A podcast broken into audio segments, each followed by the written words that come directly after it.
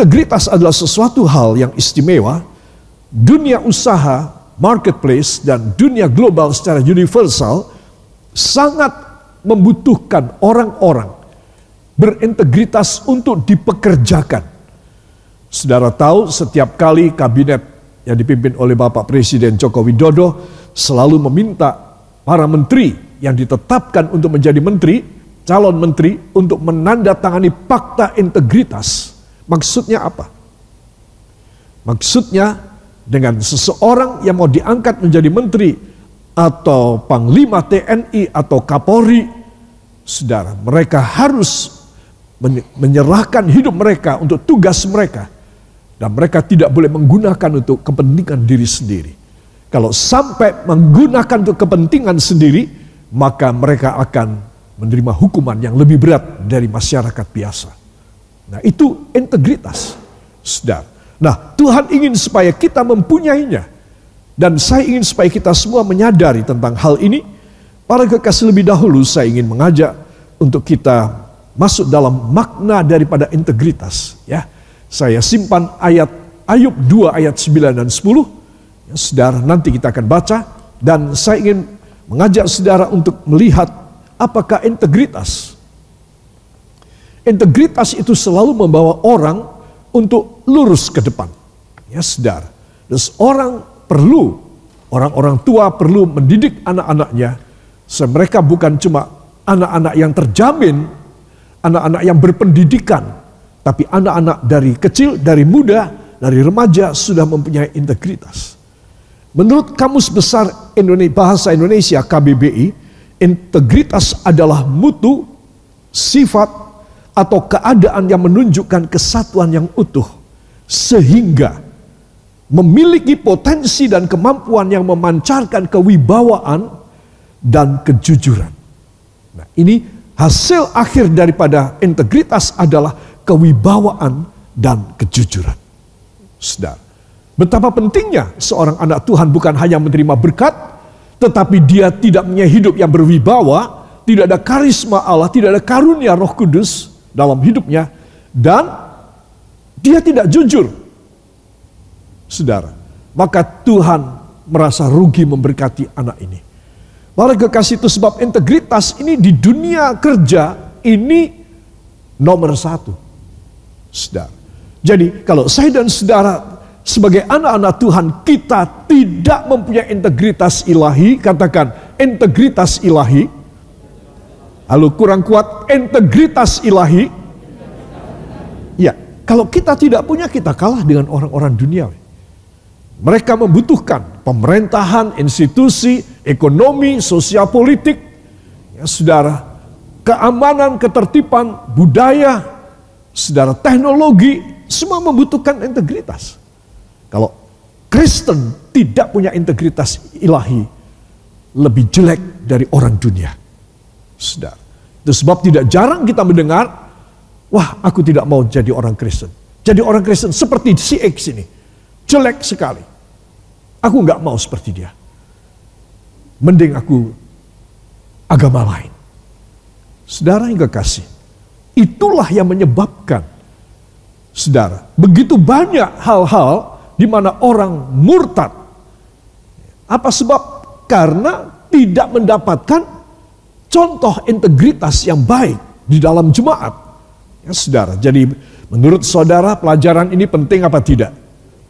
Atau separuh penting? Ya, sangat penting sekali. Ya, saudara, percuma kalau tidak. Nah inilah yang menjadi kehendak dari Tuhan karena dunia kerja saja membutuhkan. Ya, apalagi anak-anak Tuhan dari anak-anakku yang masih remaja dan muda, kalian harus tahu ya, sampai orang-orang tua. Para kekasih, integritas ilahi amat ditakuti orang yang melawan kepada Allah. Ya, saudara, jadi ada orang-orang yang melawan kepada Tuhan, ada pekerjaan Tuhan. Kalau ada satu orang saja anak Tuhan yang berintegritas ilahi, saudara, dia mengkerap dia kecil hati. Ya, saudara, dia bubar. Saudara, itu sebab penting sekali integritas rohani di dalam kehidupan seorang anak Tuhan. Katakan amin. Lalu apa kena mengena dengan keluarga kita? Saudara, seorang tua, ayah atau ibu, ya single parent umpamanya hanya ada ayah atau hanya ada ibu, ya puji Tuhan kalau masih komplit, kalau mempunyai integritas ilahi, saudara, maka anak-anak akan mencontohnya. Anak itu paling mudah mencontoh apa saja, ya saudara. Nah, itu sebab kalau orang tua mempunyai integritas ilahi, maka anak-anaknya tidak sulit dididik. Anak-anaknya penuh dengan ketakutan kepada Tuhan. Saudara, pasti itu. Sehingga beban orang tua, saudara, bahkan soal kepikiran, aku nggak bisa membiayai anakku.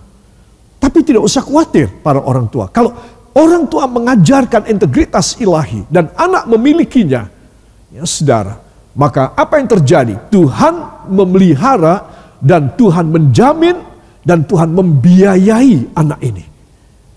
Amin. Para kekasih, perhatikan. Dan inilah yang menjadi kehendak dari Tuhan. Supaya kita, para orang tua, itu jadi enteng hidupnya.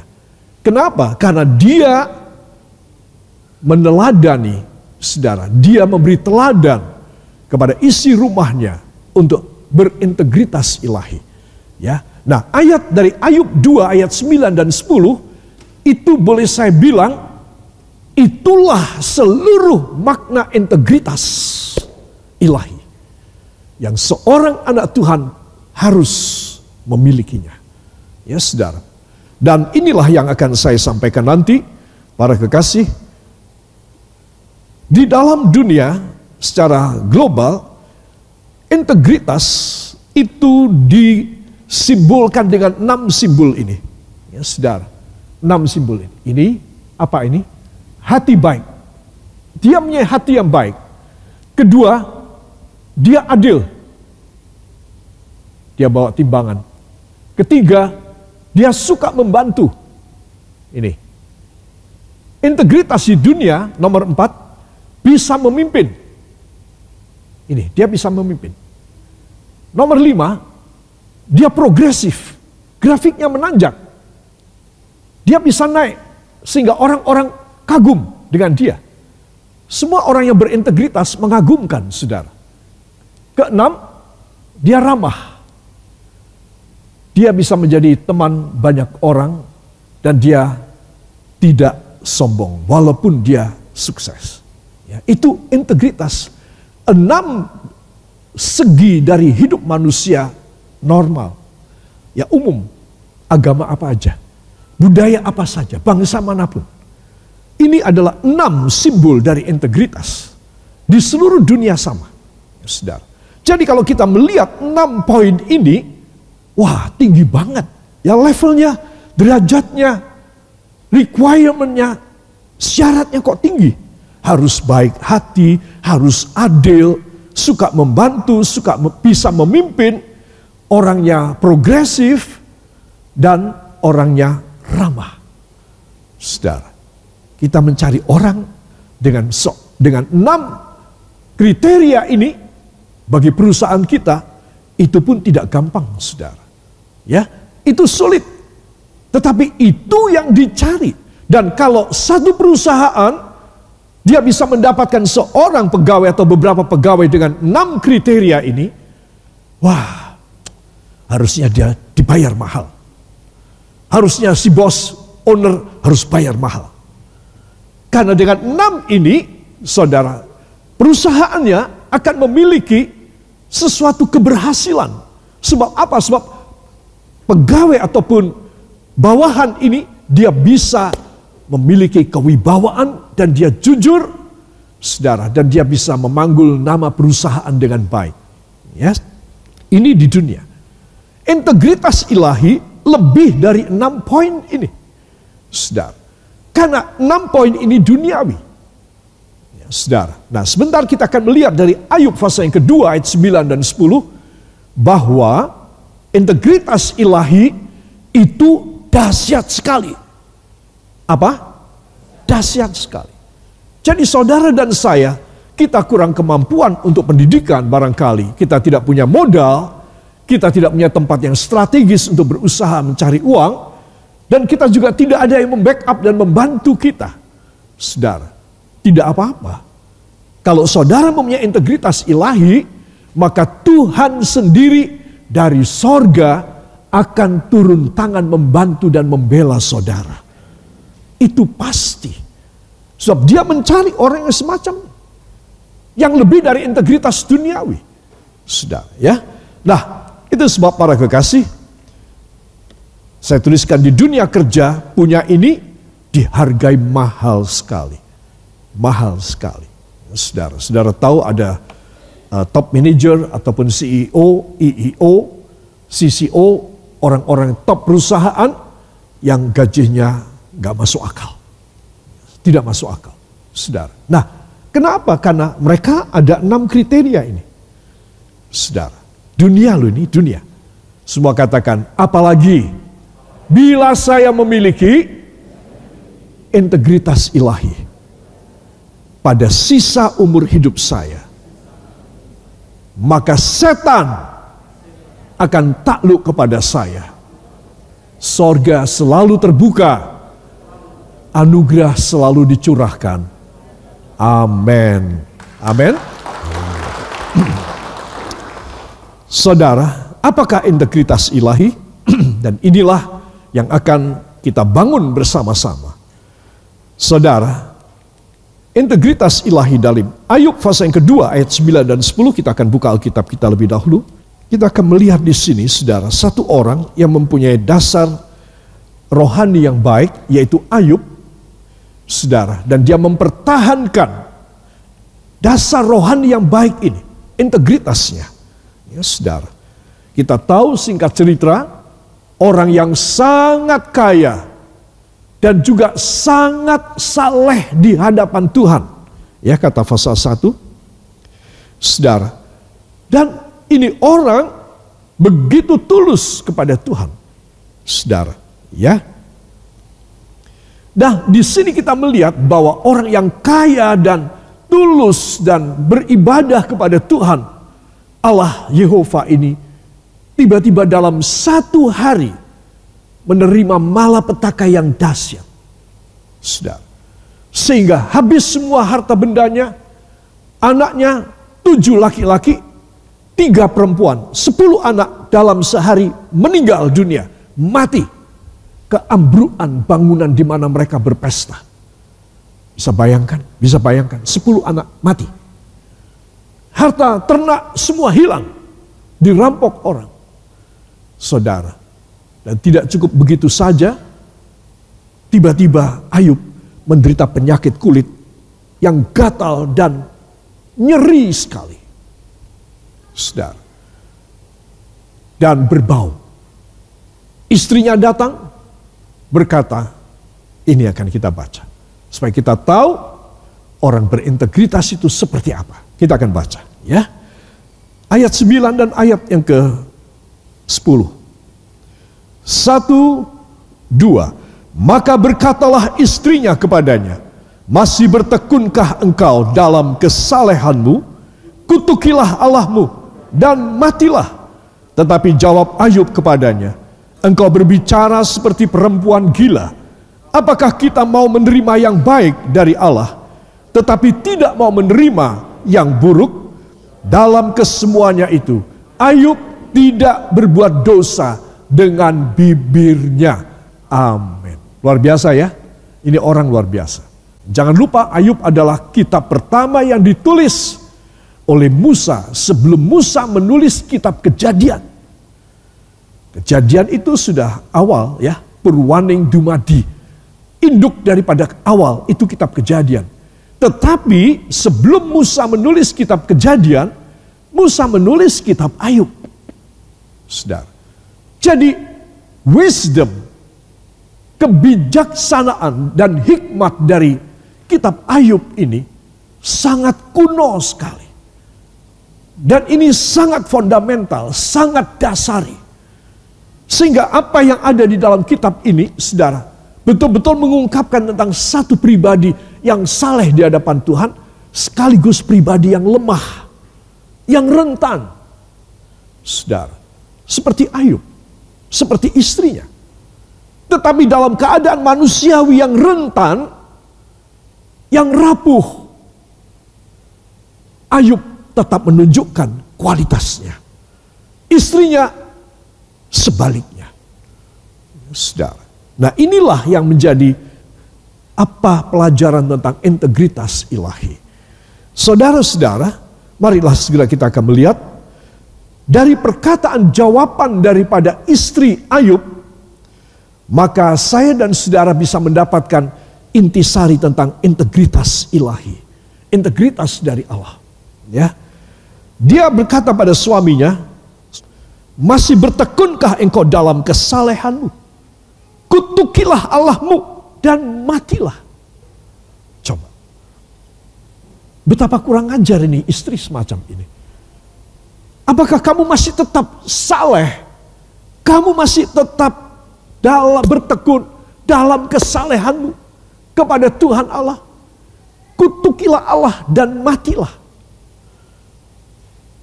Ya istrinya cukup rohani sih. Kalau seseorang mengutuki Allah, dia akan mati. Orang ini akan mati. Makanya dia anjurkan, kamu keadaan begini ini, kutukilah Tuhan dan matilah. Karena kamu pasti dihukum sama Tuhan. Saudara yang kekasih, itu ayat 9. Tetapi dalam ayat yang ke-10, tetapi jawab Ayub kepadanya, engkau berbicara seperti perempuan gila. Apakah kita mau menerima yang baik dari Allah, tetapi tidak mau menerima yang buruk? Saudara, dia menunjukkan suatu integritas yang tak bisa berubah kepada Tuhan Allah. Saudara, Ya. Nah, menarik sekali saya mensitir dari Alkitab bahasa Inggris yang menuliskan ayat 9 ini demikian. Do you still maintain your integrity? Integrity adalah integritas. Do you still maintain?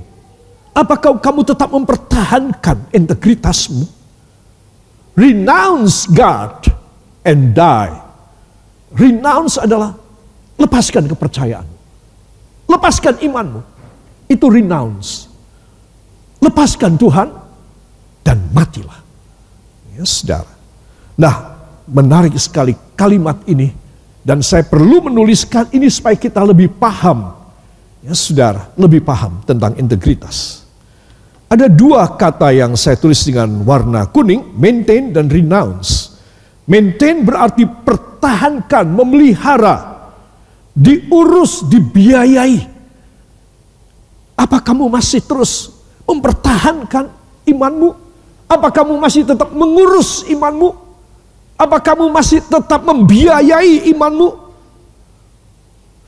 Lihat. Jangan kamu pertahankan. Kenapa kamu masih tetap maintain your faith to God? Tidak usah. Kamu sekarang keadaan begini Allah membiarkan kita semua menjadi jatuh miskin dalam sehari. Anak kita sepuluh orang mati. Apakah kamu masih mempertahankan? Do you still maintain your faith to God? Do you still maintain your integrity? Integritasmu kepada Tuhan. Hebat sekali. Saudara, saya suka ayat ini. Kenapa? Karena dua kata ini maintain dan renounce. Kemudian istrinya mengatakan renounce God and die. Ya, renounce tinggalkan, tolak. Jangan akui lagi. Itu renounce. Di satu pihak dia mempertanyakan, do you still maintain your integrity? Maintain? Renounce God. Lepaskan aja Tuhan. Dan matilah. Saudara. Jadi integritas inilah lawan kata dari melawan Allah. Kata integritas ilahi adalah sesuatu unsur yang dahsyat kuasanya di dalam hidup kita yang akan membuat kita tetap teguh untuk supaya kita boleh menjadi alat kebenaran Tuhan dan saksi showcase etalase dari Tuhan. Semua toko mempunyai etalase, warung juga dari sederhana sampai etalase yang tahan ledakan dan tembakan peluru. Itu etalase untuk apa? Untuk membuat suatu penampilan Dia menunjukkan barang-barang yang ada di dalamnya. Saudara, saya dan saudara harus menjadi etalase dari Allah. Supaya kita boleh menunjukkan pada orang-orang. Ini loh, aku seorang punya integritas ilahi. Saudara, orang punya integritas ilahi tidak akan sombong, tidak. Saudara, tapi dia perlu menunjukkan bahwa dia adalah terang dan garam bagi dunia. Amin. Jadi kalau saya dan saudara mau demikian, maka betapa besar berkat Tuhan yang akan Tuhan curahkan dalam hidup saudara. Kalau saudara mempunyai integritas ilahi di dalam hidup saudara. Ya, sekali lagi kata-kata ini luar biasa. Do you still maintain your integrity? Apakah kamu tetap mau mempertahankan, mau memelihara, mau membiayai? Apakah kamu tetap mengurus? Kamu punya integritas. Renounce, tolak, lepaskan, tinggalkan. Tidak usah diurus. Wah, saya mau tanya. Dari dua kata ini maintain dan renounce, saudara pilih yang mana? Tolong dijawab yang jujur. Apa? Maintain. Katakan maintain. Saya harus maintain iman saya. Berarti saya maintain integritas saya. Ya, Jangan sampai renounce. Jangan sampai renounce. Zaman ini begitu banyak orang yang renounce imannya, integritinya kepada Tuhan. Dan beralih kepercayaan dan kemudian segala macam lah.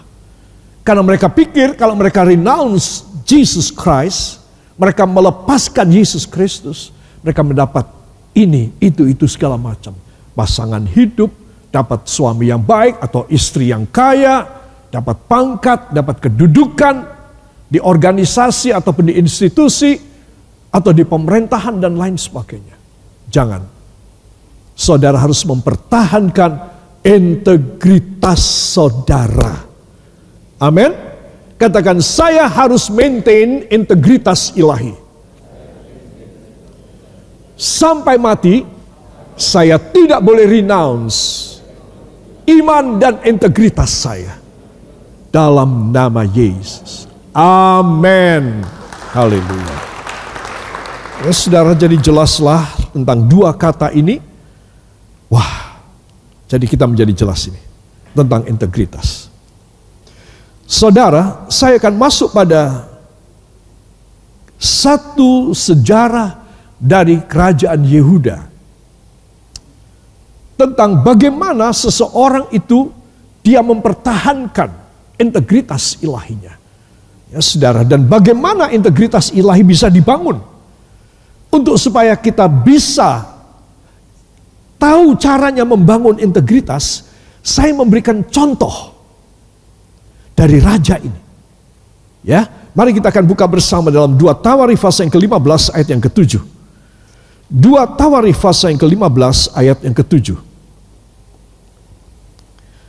And please don't forget that your faith, from the faith, we can get and we can build the integrity to God so that the spiritual integrity, the godly integrity, will make us to be significant and very extraordinary before the Lord, and afterward, we will receive the more from God.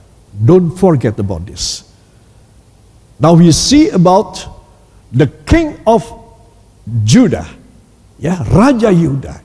Dalam dua Tawarifas yang ke-15 ayat yang ke-7, mari kita akan baca. Satu, dua. Tetapi kamu ini kuatkanlah hatimu. Jangan lemah semangatmu karena ada upah bagi usahamu. Amin. Tolong dibaca judulnya di atas satu, dua. Pembaharuan oleh Asa. Nah, Raja Asa dia kedatangan Nabi Asaria yang diutus oleh Allah supaya Raja Asa membuat perubahan ya suatu revolusi di dalam negaranya walaupun tidak separah Israel Tetapi ada juga berhala-berhala patung-patung, kuil-kuil, sesembahan, dewa dan dewi, itu juga ada di Yehuda. Tetapi Israel parah banget.